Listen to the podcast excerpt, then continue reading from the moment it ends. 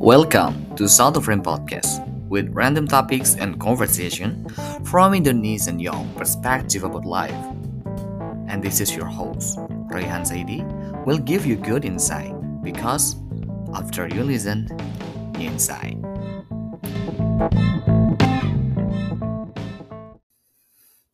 Halo, gua Rayhan, tuan rumah South of Rain Podcast. Selamat malam minggu untuk kalian para pendengar di rumah dan tentunya selamat merayakan Hari Raya Idul Adha 1443 Hijriah tahun 2022. Many things have happened so far and of course di momentum Idul Adha 2022 ini we are back to being better people. Dan sebenarnya di belakang gua ini sudah terdengar suara takbir di masjid-masjid dekat kos gitu ya.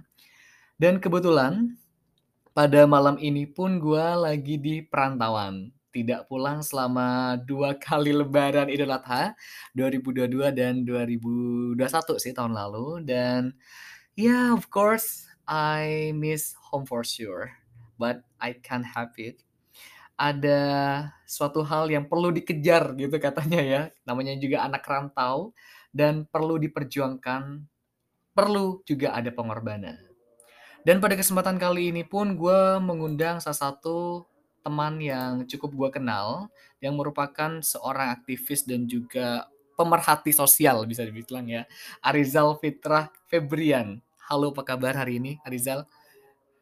Oke, uh, halo Royhan. Oke, ya, oke, kabar alhamdulillah ya baik gitu dan ya mungkin kabar juga ya sehat-sehat juga ya Raihan ya Alhamdulillah kalau ditanya kabar pasti sehat gitu ya oke uh, Arizal sekarang ada di mana btw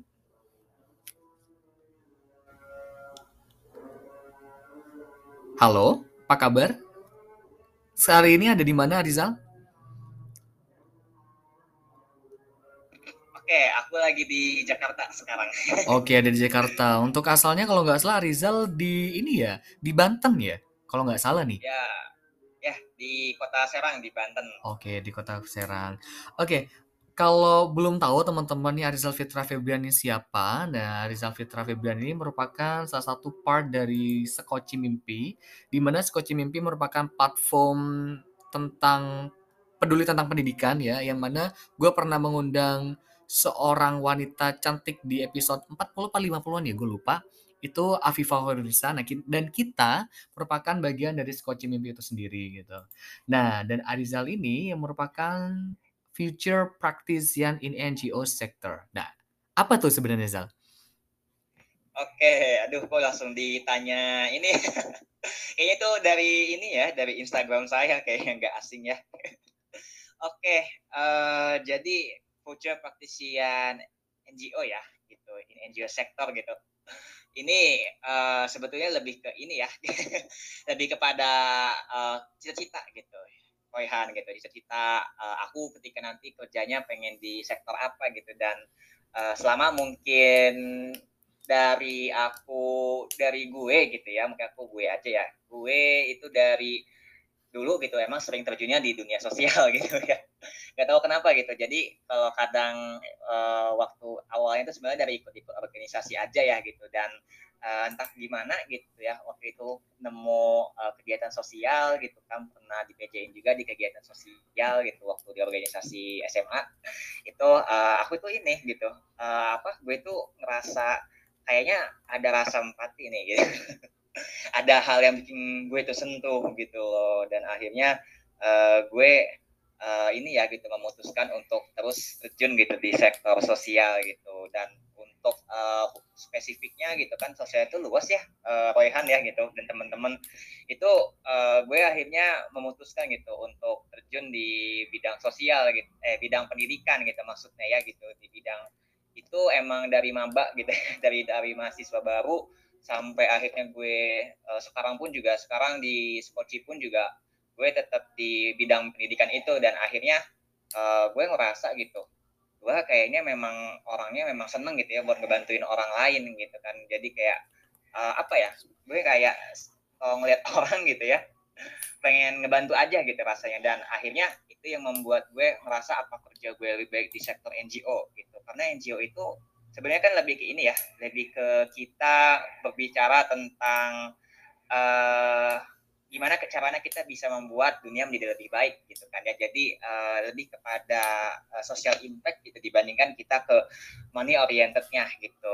Walaupun sekarang ya gue nggak di sektor itu ya gitu lagi di sektor yang lain gitu. Karena mungkin ini udah jalan dari Allah tapi mungkin uh, ke depannya mungkin kita nggak tahu ya gitu. Mungkin ya harapannya sih gitu bisa beralih gitu ya ke sektor NGO ini. Gitu sih uh, Royhan dan teman-teman. Oke, gue garis bawahi tadi bahwa NGOs yang disampaikan oleh Rizal itu fokusnya ke social impact. Ini bener banget ya teman-teman ya. Karena banyak pengabdian atau pemberdayaan yang dilakukan oleh teman-teman di luar sana walaupun memang mereka bukan profit oriented ya ingin berimpact kepada masyarakat secara luas gitu. Nah, salah satunya Arizal ini di platform-platform yang sudah diikutinya. Nah, salah satu platform yang telah disinggung tadi mention yaitu Sekoci Mimpi. Tapi gue bahas itu nanti. Nah, sebelum itu gue pengen tahu nih kesibukan dari Arizal sendiri. Karena gue ngelihat kemarin sudah wisuda ya kalau nggak salah. Jadi Betul. ada gelarnya Arizal Fitra Febrian Esmat. Nah, di mana tadi Rizal ngomong sama gue, Esmat biasanya kalau di fakultas-fakultas di univ-univ yang gue tahu di Jawa Timur lah khususnya, biasanya kalau fakultas MIPA itu SSI ya, sarjana sains gitu. Dan Arizal ini Betul. Esmat. Nah, ini unik nih ya, di Unpad ya kalau nggak salah ya. Ya, di Unpad, betul. Oke, kesibukannya selain ini kan pasti sudah menuju ke hal-hal yang lebih serius lagi kan tentu ya. sudah menghadapi dunia yang sebenarnya dunia ini kan. Oke, kesibukannya apa nih sekarang? Oke. Ya, uh, oke okay, untuk kesibukan ya kalau gue sekarang sebetulnya kan kalau kesibukan ya sebetulnya lebih ke habis wisuda gitu ya betul banget kalau di matematika Unpad itu uh, kita sebutannya sarjana matematika gitu ya jadi uh, kenapa bisa sarjana matematika gitu ya itu ya beda aja gitu. Mungkin ya gue nggak tahu alasan spesifiknya gitu. Tapi kalau tadi ya kita berbalik ke kesibukan gitu ya. Sebenarnya kalau kesibukan uh, aku yakin ya untuk mendengar dan teman-teman semua mungkin yang sekarang entah mahasiswa ataupun yang sudah uh, fresh graduate gitu ya. Apalagi fresh graduate itu pasti teman-teman akan uh, memulai karir gitu ya. dan gue sekarang lagi sibuk ya gitu untuk meniti karir gitu ya di salah satu uh, institusi pendidikan ya startup di programming gitu kan. Memang ke startup gitu ya sekarang gitu bukan ke NGO gitu. Karena memang ini rezeki ya gitu rezeki dari Allah mungkin yang memang selama ini mungkin udah aku jalanin di sektor pendidikan gitu. Mungkin inilah cara Allah gitu untuk bisa memberikan gue pelajaran mungkin ya gitu. Jadi uh, itu ya kesibukan yang pertama gue uh, Royhan dan teman-teman. Lebih ke meniti karir gitu ya sekarang di sektor pendidikan juga. Dan kesibukan lainnya sekarang lagi di seperti mimpi juga ya bareng uh, Royhan, Afifa dan juga rekan-rekan lainnya gitu ya. Dan di sini juga kita juga lagi ini ya gitu sedang memulai project gitu ya. Akan memulai project gitu kan. Dan selain itu juga ya mungkin kesibukan yang lainnya gitu. Sekarang lagi mencoba gitu untuk uh, mempersiapkan gitu ya LPDP gitu. Jadi uh, pengen LPDP juga gitu ke luar negeri Amin. gitu ya. Mudah-mudahan bisa di tahun depan ya gitu. Karena uh, apa ya mungkin uh, peluang kan harus kita cari seluas-luasnya ya gitu. Yeah, betul. Betul ya Raihan hmm. ya. Itu sih paling kalau untuk kesibukan ya sibuk banget ya berarti after wisuda after graduate dan juga tadi fokusnya di pengembangan career development gitu ya. Oke, yeah. itu bagus dan baik tentunya buat teman-teman di rumah yang mungkin lagi lulus dan gue kebetulan akan lulus juga ya Zal. Kayaknya bakal harus mengikuti jalan Anda fokus di karir juga gitu. Karena yeah. sekarang perlu realistis katanya. Harus uh, oke okay, kita sebagai manusia harus memiliki social impact, but realistis itu perlu kita butuh duit juga.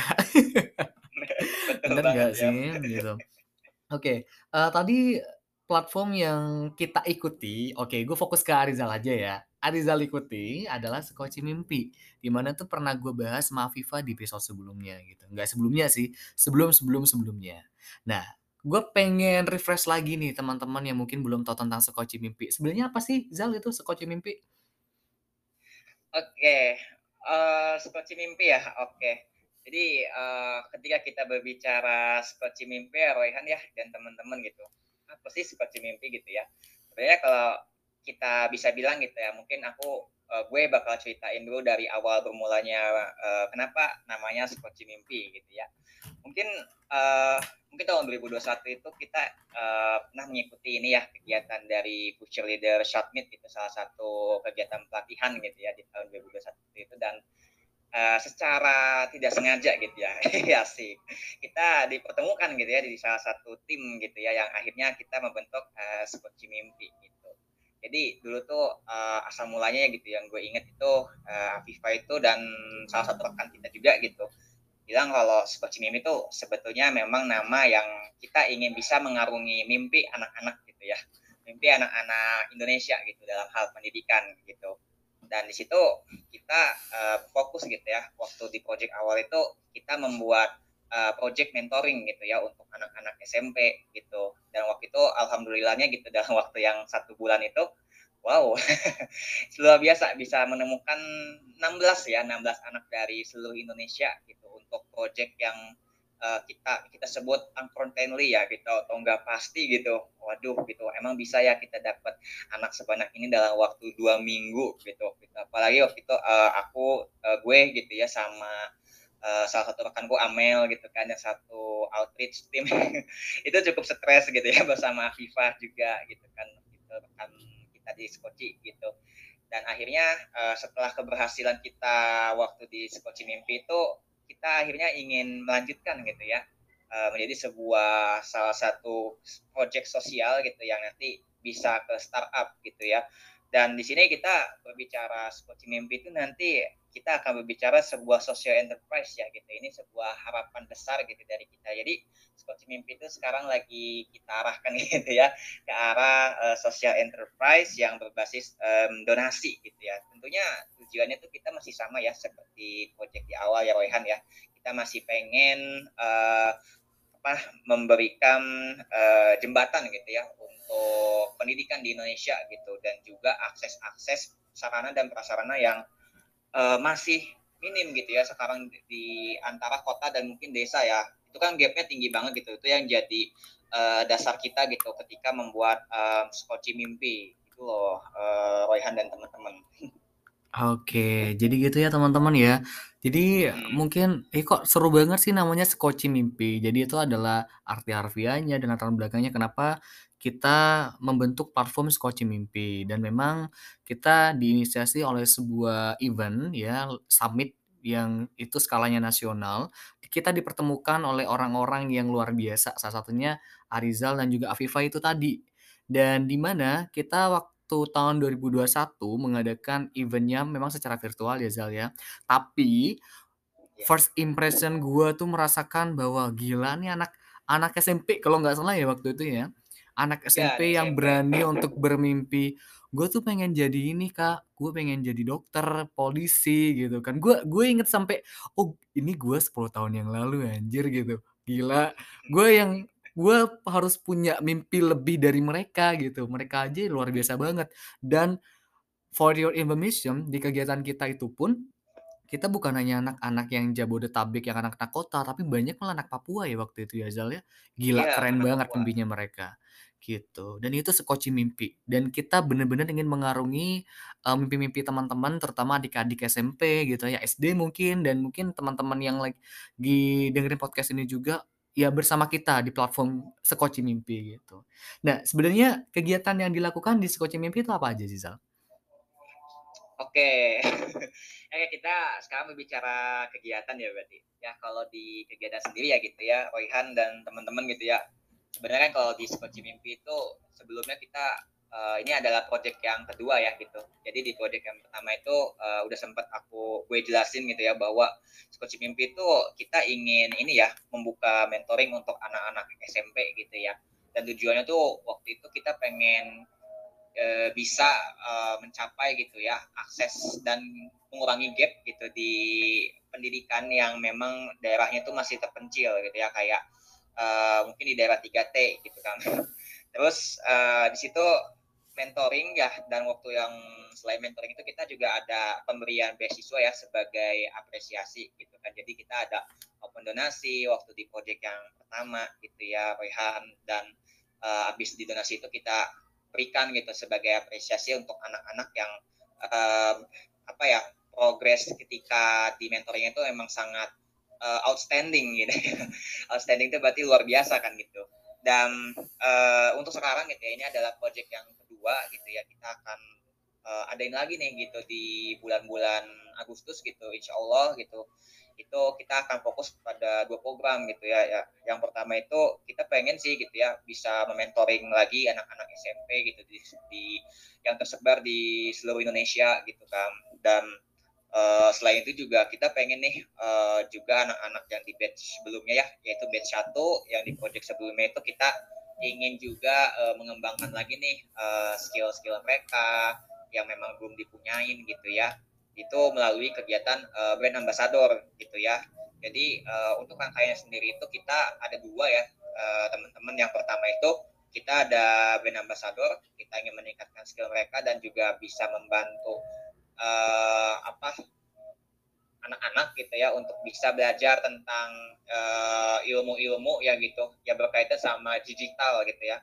Gitu dan nanti bisa dipraktekkan gitu ya untuk uh, kegiatan mentoringnya juga gitu.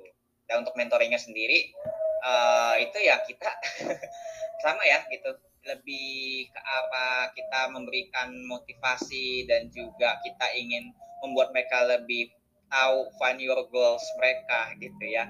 Gimana sih uh, mimpi aku? Gue pengen jadi guru gue pengen jadi nelayan atau mungkin gue pengen jadi uh, yang lainnya gitu kan. Jadi banyak banget gitu yang dulu mungkin benar kata Royhan ya ternyata uh, banyak banget anak-anak di Indonesia tuh yang masih pengen punya mimpi tapi dia nggak tahu cara mencapainya gitu. Yeah. nggak tahu dia nggak punya sosok mentor itu dan kita pengen gitu memfasilitasi uh, mereka gitu ya walaupun nanti acara udah selesai bisa jadi uh, long term atau jangka yeah. panjang ya untuk mereka-mereka uh, gitu ya masih uh, diduduk di bangku sekolah. Kayak hmm, gitu betul. Banget. teman -teman ya small impact yang kita berikan ke teman-teman terutama adik-adik waktu itu, itu sangat terasa sih. Apalagi, ah, ketika mereka merasakan, "Thank you Kakak-kakak sekoci mimpi," gitu. Itu kayak, wow gitu, impact yang sebenarnya secara online kita berikan dan mereka kita sampai tahu ya cara kita untuk ngarahin mimpi kita seperti apa. Nah itu kita belajarnya di Sekoci Mimpi gitu teman-teman ya, platform yang kita buat. Nah Fokusnya Skoci Mimpi ini sebenarnya ke apa nih Zal? Apa ke pendidikan saja kah? Atau ke sosial? Atau seperti apa? Oke. Oke, kalau ditanya fokus ya gitu, sebetulnya fokus utama kita itu sebetulnya memang lebih ke sektor pendidikan ya gitu ya Roy dan teman-teman gitu. Uh, kita pingin gitu ya, seperti uh, judulnya ya Sekoci Mimpi itu kita punya tujuan pengen ya gitu istilahnya pendidikan Indonesia itu uh, pengen kita apa ya gap atau ketimpangan itu kita kurangi gitu dalam hal apanya gitu dalam hal uh, pengetahuannya dan sarananya gitu ya. Jadi kita tuh punya big vision gitu ya visi asik. Jadi visi kita itu pengen banget lah gitu bisa mengurangi ketimpangan-ketimpangan tersebut gitu.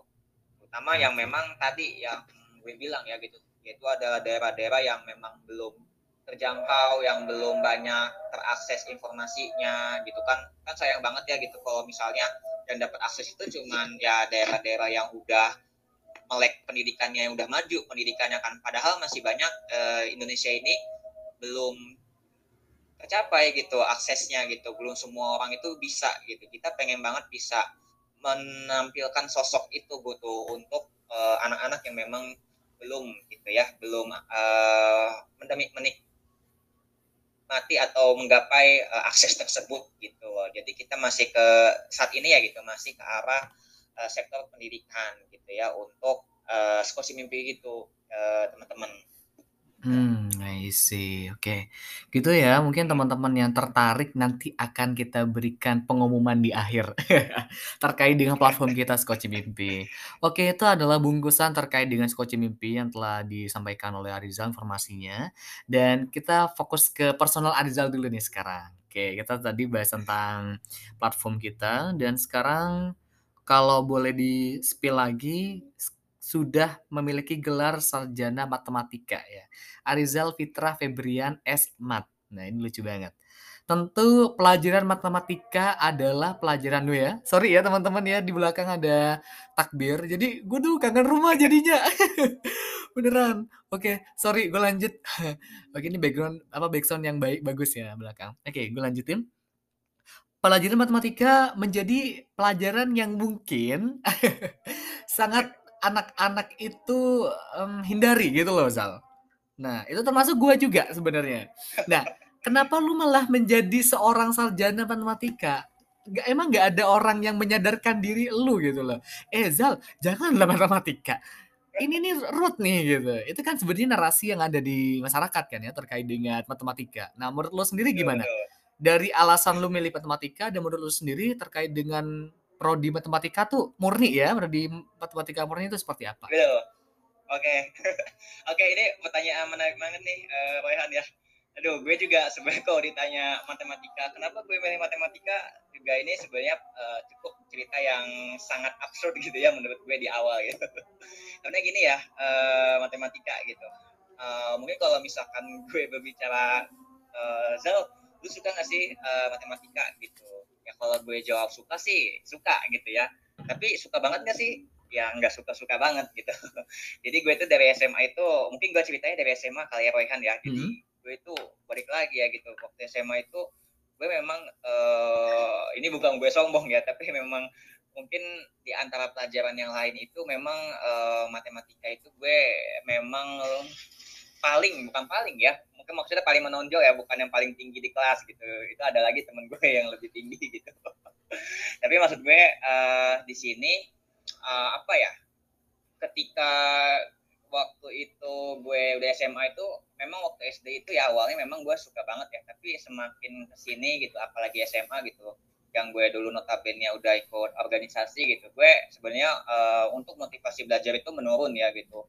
Dan matematika pun juga nggak jadi terlalu gue minatin gitu sebetulnya, walaupun dari SD, eee, gue suka gitu ya sama matematika gitu. Awal sukanya mah sebenarnya cuma senang ngitung aja dan suka kompetisi ya sama temen SD dulu itu kan. Jadi SD, SMP tuh punya saingan gitu dulu tuh. Dan dulu saingannya itu, eee, kadang, "Ayo adu-aduan nilai," gitu. Jadi, sombong-sombongan eee nilai ya? iya, betul banget gitu, Roy.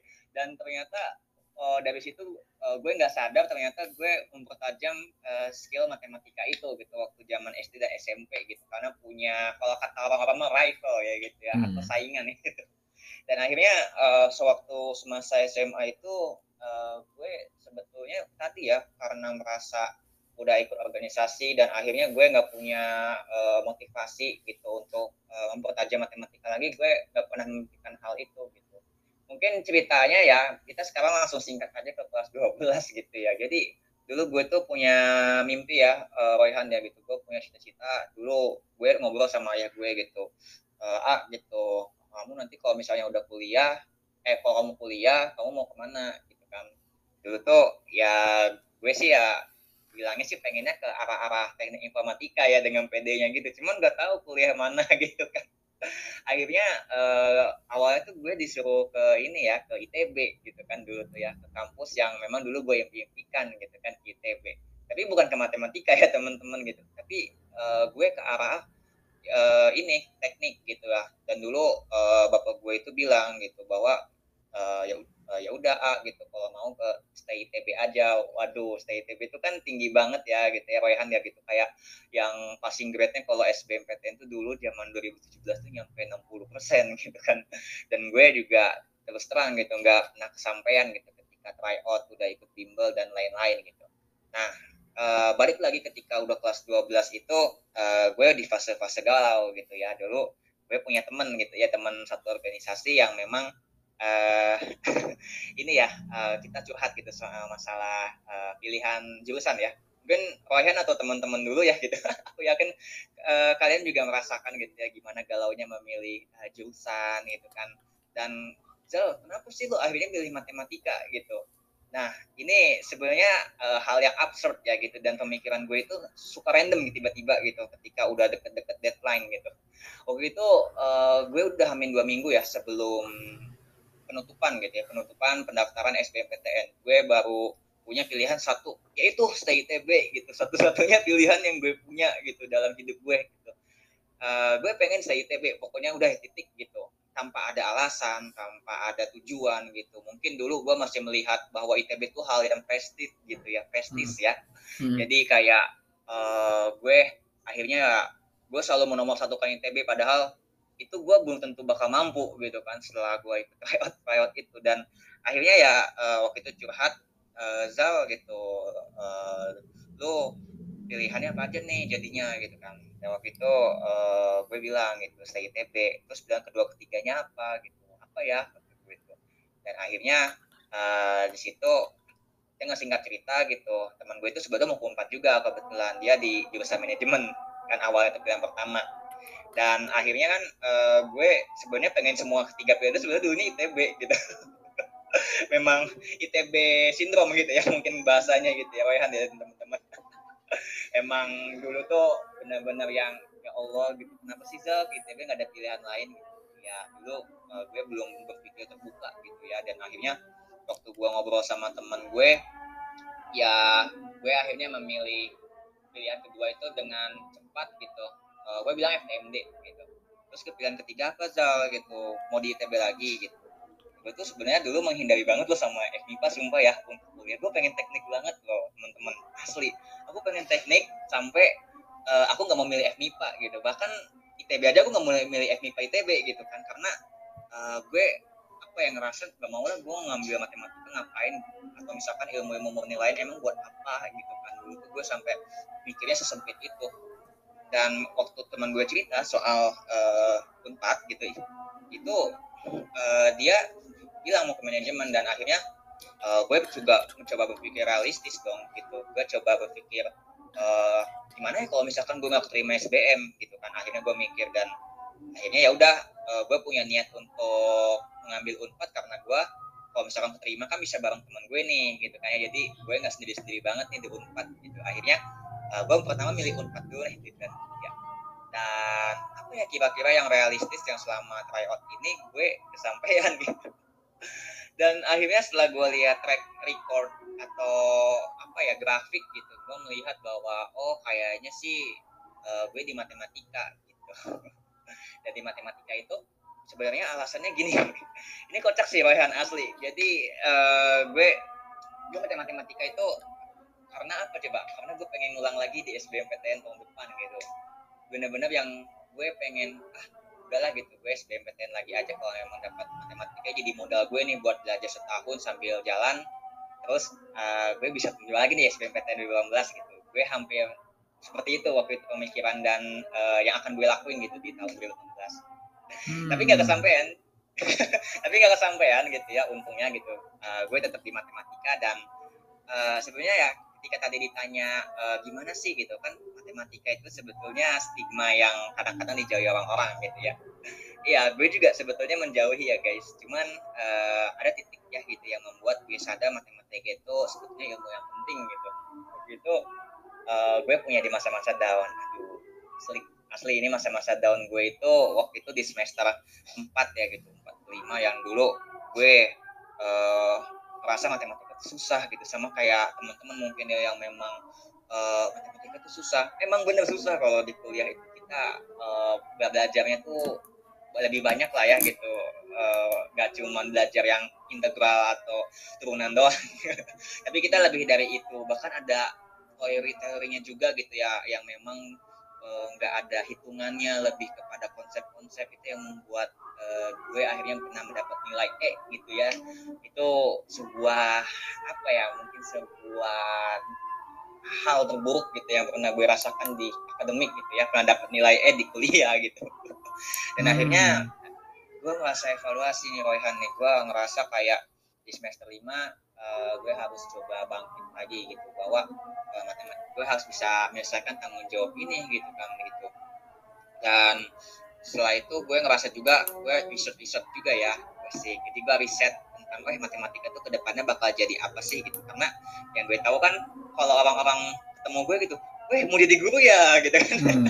atau misalnya mau jadi uh, apa paling peneliti ya gitu guru gitu kan. Emang kalau matematika jadi apa sih Zal? Gitu. Guru ya kayak gitu ya dosen ya gitu gitu jadi uh, eh, gue tuh pengen coba cari tahu sebenarnya matematika okay. kayak gitu ya jadi mindset yang ada di masyarakat tuh belum tentu baik ya. Maksudnya belum tentu benar ya terkait dengan matematika tuh mengesalkan gitu ya. Oke. Gue pengen yeah. tahu cerita lebih jauh tentang Arizal tapi jangan ke mana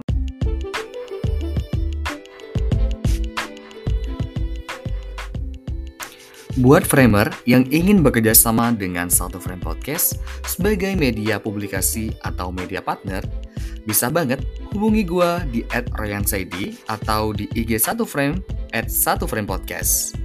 Ditunggu kerjasamanya ya.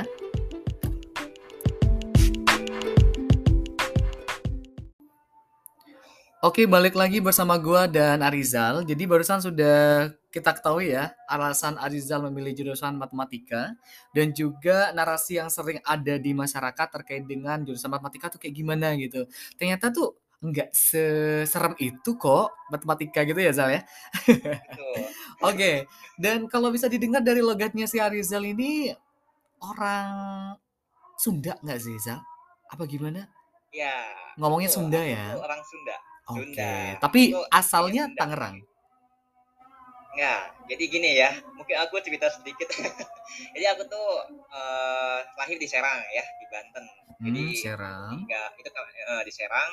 Kemudian tuh sebetulnya darah orang tua itu sebetulnya Majalaya ya di Kabupaten Bandung. Jadi gue tuh sebetulnya asli Bandung gitu teman-teman. Cuman uh, gue selalu mengenalkan diri tuh orang Banten karena orang tuh tetap bingung gitu jadi gue ya udah kalau misalnya biar nggak bingung uh, gue bilang aja gue orang Banten gitu tapi kalau emang udah deket gitu gue baru bilang gitu kalau gue tuh sebenarnya orang Bandung loh gitu makanya kadang logat-logat gue tuh uh, ada Sundanya tapi kadang kalau kata dosen gue waktu di kegiatan kampus mengajar itu bilang ini kamu mau logatnya udah hilang-hilang Zal katanya si Sundanya katanya orang Sunda tapi kamu mah nggak kelihatan Sundanya hmm, jadi aku asli Sunda gitu kayak asli Sunda Asli Sunda. Ya. Keadaan berarti sekarang ada di Jakarta, kemarin juga Yunpan ya. di Bandung gitu kan. Dan ya. lahir di Serang kalau nggak salah barusan bilang ya. Iya, Oke. Okay. Tentu banyak banyak lingkungan atau kebiasaan yang sudah dihadapi.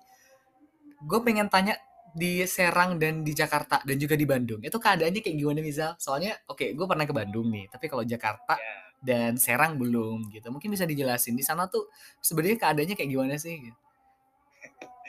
Oke, oke. Mungkin pertama dari Serang ya gitu. Mungkin dari persamaan Serang dan Jakarta ya gitu. Mungkin kalau teman-teman Royhan nanti main ke Serang Jakarta, ya mungkin hal yang sama itu adalah udara ya gitu. Jadi udara di dua tempat ini sama-sama panas gitu ya. Beda sama mungkin Royhan kalau misal lu ke Bandung kan lu dingin ya rasanya kan gitu. Adem hmm. gitu udaranya. Nah, kalau di sini enggak gitu. Kita udaranya panas gitu ya uh, lebih ke udara yang panas apalagi kalau Banten itu yang bikin panas itu uh, adalah dekat pantai gitu ya apalagi di daerah kota Cilegon gitu itu dekat banget sama pantai itu panas banget ya jadi itu yang pertama terus sebenarnya untuk kondisi di Serang dan Jakarta tuh perbedaannya beda jauh ya guys beda banget dong. Jadi mungkin kalau di Jakarta ya uh, mungkin udah banyak ya daerah-daerah yang udah maju banyak banget company-company yang keren gitu ya banyak banget startup yang udah terbangun gitu ya. Kalau di Serang itu kita masih dalam tahap gitu ya tahap pembangunan gitu ya. Baik itu dari pemerintahannya gitu ya mungkin dari segi pendidikannya juga. Nah menarik nih eh, kita berbicara pendidikan di Banten itu sebetulnya memang cukup masih harus dimajukan gitu ya. Apalagi eh, Banten juga kan gitu masih ya angka pengangguran tertinggi ya di Indonesia gitu tahun 2015 gitu kan. Itu yang menjadi perbedaan gitu ya antara di uh, provinsi Banten dan di provinsi Jakarta gitu. Tapi kalau untuk di kota Semarang sendiri sih enggak gitu ya. Terus apalagi ya kondisinya sebetulnya beda ya kalau dari kemacetan jelas dong. Gitu. Jakarta keras enggak sih Zal Jakarta. Gimana ya karena gue belum tinggal di Jakarta ya gitu. Cuman kalau gue denger sih keras gitu ya katanya keras. Ya gue nggak tahu keras yang kayak gimana tapi kalau dari segi hidup itu lebih mahal ya dibanding di Serang gitu ya. Terus ya uh, gue tadi baru ngobrol ya karena gue lagi di Jakarta. Ternyata Jakarta itu apalagi di Jakarta Selatan itu uh, di daerah aku ya sekarang itu dia kotanya hidup terus ya jadi hmm. maksudnya hidup terus tuh ya mau jam berapapun juga masih ada yang jualan, masih ada yang beraktivitas gitu ya. Kalau untuk daerah-daerah di kota, terutama di Jaksel gitu ya. Gitu sih yang gue dapat cerita dari teman-teman gue ini mah ya gitu. Hmm, oke berarti masyarakat sana butuh hidup ya, butuh uang. Makanya butuh hidup, hidup terus uang. gitu ya. Butuh hidup, butuh uang. Apalagi di Jaksel, lu literally which is gitu. Ini lu lu ke bawah nggak sih nanti ini? BTW sama-sama logat-logat si anak Jaksel, aksen Jaksel gitu. Oke, gue sebenarnya sempat ke bawah sedikit ya walaupun belum di Jakarta ya karena itu kan jadi viral viral viral di sosial media ya gitu. Yeah. Which is literally gitu. Itu memang udah wah kayaknya udah sering banget dan gue juga kadang-kadang kepake gitu ya apalagi kalau dengerin temen ngomong bahasa Jaksel tuh gue jadi pengen ikutan juga gitu. Oke. Okay. Itu sih. Dan tentu masyarakat yang lu temui juga beragam ya Zal ya, dari tadi masyarakat Serang, masyarakat Bandung, Jakarta sekarang gitu. Tentu sebagai mahasiswa yang sudah memiliki gelar sarjana, salah satu hal yang sering ditanyain adalah impact ke masyarakat lu sudah sejauh mana nih gitu. Nah, gue pengen tanya nih kalau impact lu ke masyarakat nih kayak gimana nih Zal sekarang udah? Oke, impact gue ke masyarakat ya gitu. Oke okay. ini kalau kita berbicara impact ya gitu. Gue yakin semua orang punya definisi yang berbeda ya gitu. Dan aku yakin gue yakin gitu ya bahwa ketika kita ngomongin impact gitu ya gue yakin semua orang juga sedang berusaha gitu ya. Mungkin kalau ditanya sejauh mana sih Zal gitu lo udah sampai berimpact ke masyarakat gitu ya mungkin uh, gue juga masih dalam proses belajar ya gitu. Jadi uh, gue bukan yang udah wah yang udah keren gitu ya kayak uh, orang-orang di luar sana gitu. Tapi uh, impact yang mungkin pernah gue lakuin ya mungkin gue lebih bercerita pengalaman impact uh, dalam pengertian waktu gue uh, kuliah gitu ya gue ngapain aja gitu. Jadi memang dulu tuh gue inget banget ya gitu karena tadi ya cerita gue di SMA gue yang pernah ikut kita volunteer ya gue pasti kuliah pun pengen impactnya juga di sosial gitu kan. Jadi yang pertama ya mungkin gue pernah ikut berbagai kegiatan volunteer gitu ya kayak volunteer mengajar ya dulu tuh gue kayak ya mungkin kenapa sekarang gue kerjanya di bidang itu juga ya pendidikan karena gue pernah ngajar gitu dulu ya di berbagai volunteer gitu. Salah satunya ngajarin anak SD SMP pernah SMA pun pernah gitu ya itu mungkin impactnya tuh lebih ke sektor pendidikan dah itu yang okay. dari sektor pendidikannya. Karena Terus, concernnya juga di pendidikan ya Rizal ya?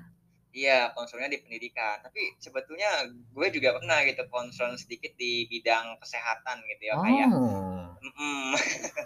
Jadi itu sebetulnya lebih ke KKN dan waktu itu kegiatan volunteernya memang campuran pendidikan kesehatan gitu. Jadi okay. gue waktu itu KKN harus jadi relawan gitu ya waktu itu. Tuh hybrid ya waktu itu kan lagi covid. Dan singkat cerita ya gue harus terjun mendata uh, anak-anak atau orang-orang ya gitu yang lagi uh, apa covid atau enggak nih di suatu kelurahan gitu kan. Jadi itu gue pernah juga terjun pengabdiannya di kesehatan gitu waktu di KKN karena emang maraknya kan lagi covid ya waktu tadi 2020 yeah. Ya terus uh, sisanya itu uh, di bidang kesehatan itu ya mungkin gue lebih mensosialisasikan ini ya tentang eh, empat uh, sehat lima sempurna gitu kan. Oke. Okay. Jadi so simple sebenarnya ya. Iya. Oke, okay. jadi impact itu yang telah dilakukan oleh Rizal barusan tentu satu poin yang sebenarnya sering ditanyakan juga sebagai mahasiswa yang sudah lulus koneksi gitu ya koneksi relasi itu yang sering ada di di apa di kuping kita gitu. Koneksi seperti apa ini sebenarnya sih yang dibutuhkan oleh masyarakat dan sebenarnya masyarakat tuh butuh kita sebagai mahasiswa uh, lulus gitu loh Zal. Koneksi yang seperti apa sih? Gitu. Oke, uh, koneksi seperti apa sih yang dibutuhkan oleh masyarakat ya mungkin ya gitu. Mungkin memang kalau kita berbicara connect ya gitu, uh, sebenarnya konteksnya luas ya gitu. Mungkin maksudnya Royhan ini mungkin koneksi ke arah ini ya gitu. Mungkin uh, gimana sih gitu kita bisa mengkonekkan gitu ya. Mungkin kalau sektor aku kan pendidikan gitu ya. Hmm. Berarti hmm uh, gue kan berarti harus bisa mengkonekkan uh, pendidikan gitu ya orang-orang uh, masyarakat yang memang belum gitu terakses gitu kan nah itu gimana caranya dan itu uh, penting banget gitu ketika kita uh, membuat konektivitas gitu. Dengan cara apa kita membuat konektivitas itu ya gitu? Mau sektornya pendidikan ataupun kesehatan ataupun ekonomi dan lain-lain gitu. Kita perlu banget ya yang namanya uh, kita membuat suatu uh, project ya gitu. Project yang berdampak gitu ya. Kalau ya seperti ya project seperti mimpi ya gitu salah satunya. Kita bisa membuat uh, suatu platform yang memang bisa uh, menghubungkan gitu ya uh, antara uh, mungkin anak-anak ya masyarakatnya itu dengan uh, kita ya sebagai yang akan memberikan impact gitu kenapa itu penting gitu karena uh, kita nggak bisa ya gitu untuk terus menunggu gitu. Kita harus bisa uh, memberikan peran gitu ya kepada Indonesia gitu, kepada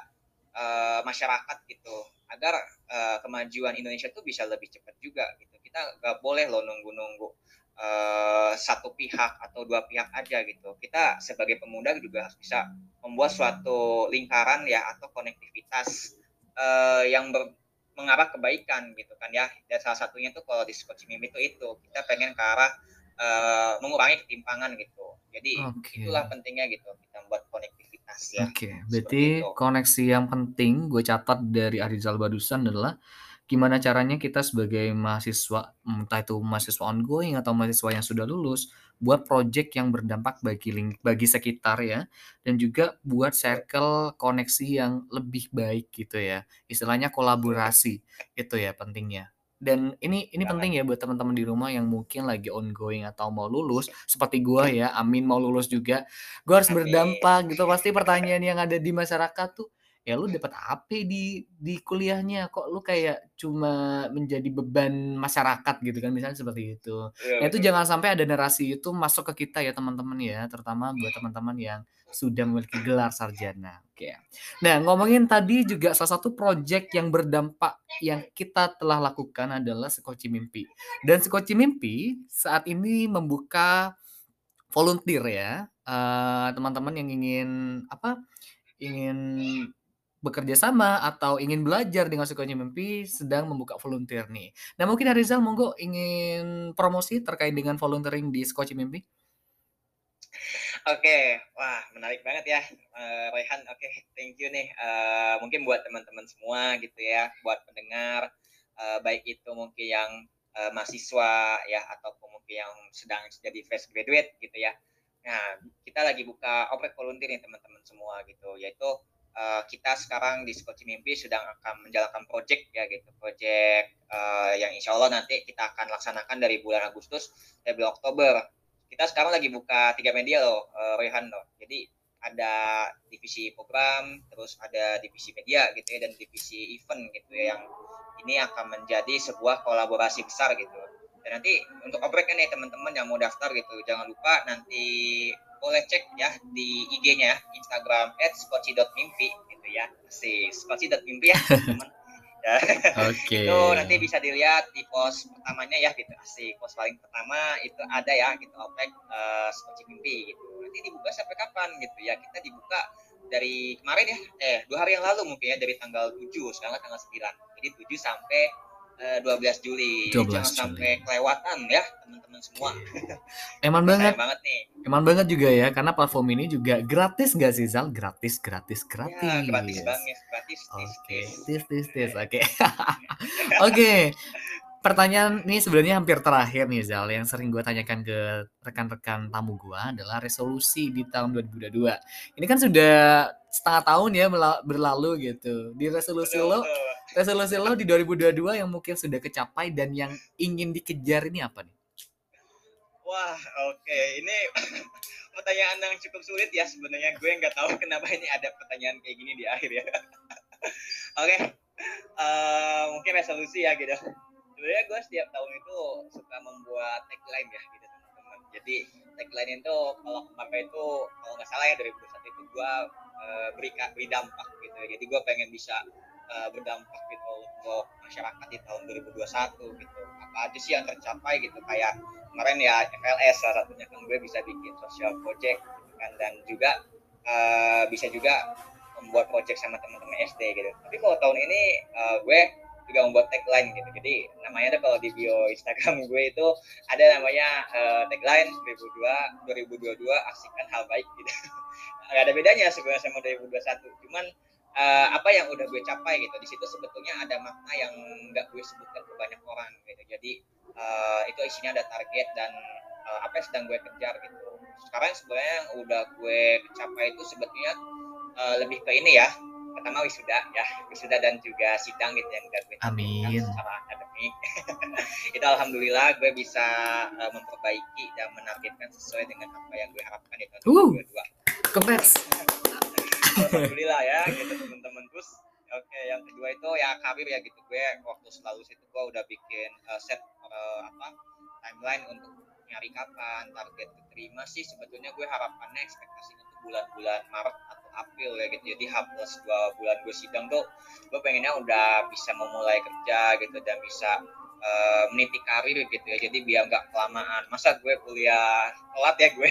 Mohon maaf ya tahun. Gitu. no problem. Masa gue telat juga gitu ya untuk meniti karir. Jangan sampai telat juga gitu. Akhirnya gue balas di situ gitu di cari kerjanya. Gue benar-benar yang apply banyak gitu ya. Terus ya, mungkin sekarang yang mau dikejar gitu ya uh, ya tadi ya gitu. Uh, sekarang gue lagi mengejar bahasa Inggris ya teman-teman gitu untuk uh, ke depannya nih gue bisa uh, lebih uh, fasih gitu ya. Karena kan di luar negeri itu harus benar-benar Inggrisnya luar biasa ya. Hmm. uh, dan mungkin untuk target tahun ini juga ya gitu. Gue pengennya sih ya uh, project Skoci juga. Sebenarnya gue bikin target juga sih waktu itu. Uh, pengen Skoci mimpi ini benar-benar uh, ada project lagi yang gerak gitu. Dan harapannya bisa sustainable gitu. Itu yang paling gue harapin ya gitu. Kalau dari segi dampaknya gitu ke sosialnya. Jadi gue ngebagi tiga. Ada akademik karir dan juga uh, impact ke masyarakat. Oh, termasuk agama ya. Jadi ada masing-masingnya. Itu banyak sih ya. Ada table sendiri live plan gitu. Jadi uh. mau jelasin sini agak banyak. Iya. Berarti banyak banget ya resolusinya yang sebenarnya sudah ada yang kecapai dan insya Allah akan dilaksanakan gitu ya Zal ya amin iya banget oke okay. mungkin terakhir nih Zal yang ingin lu sampaikan ke teman-teman pendengar terkait dengan episode kita ter tentang koneksi masyarakat gitu. Monggo. Oke. Oke, mungkin untuk teman-teman semua, pendengar semua yang mungkin sedang mendengarkan uh, podcastnya Royhan asik. Jadi berbicara tentang konektivitas gitu ya. Gue yakin gitu, kita bisa memulai itu kapan pun ya, asik. Entah itu teman-teman waktu masih SMA, atau lagi mahasiswa atau mungkin sekarang lagi mahasiswa akhir gitu ya kalian bisa membuat impact sekecil kecilnya gitu bukan sekecil kecilnya ya mungkin seminimal mungkin gitu ya tapi bisa berkelanjutan gitu ya dengan ya teman-teman bisa ikut kegiatan yang kalian sukai gitu ya minat kalau suka di bidang sosial ya kalian sosial ke pendidikan kalian ke pendidikan atau mau kalian ke bidang wisata juga bisa ke wisata gitu ya. Jadi eh, jangan pernah takut gitu ya buat teman-teman untuk memulai uh, sesuatu gitu untuk memberikan impact karena kadang-kadang takut itu harus dilawan ya gitu. Kalau nggak dilawan uh, kita nggak akan pernah tahu gimana sih kita salah dan gagal. Mungkin uh, untuk membangun konektivitas itu yakin dulu dan jangan takut untuk mencoba. Mungkin itu wow. ya dari gue. Wow. Arizal Fitra Febrian S Mat part of Sekoci Mimpi thank you so much untuk kesempatannya. Semoga resolusi yang belum tercapai tercapai ya di tahun ini.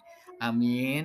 Dan buat teman-teman di rumah yang lagi dengan podcast ini yang ingin uh, mengikuti volunteer, jangan lupa ikuti volunteer kita di platform Sekoci Mimpi di @sekoci Dan selamat Hari Raya Idul Adha untuk semuanya yang lagi mendengarkan dan see you next episode. Dadah.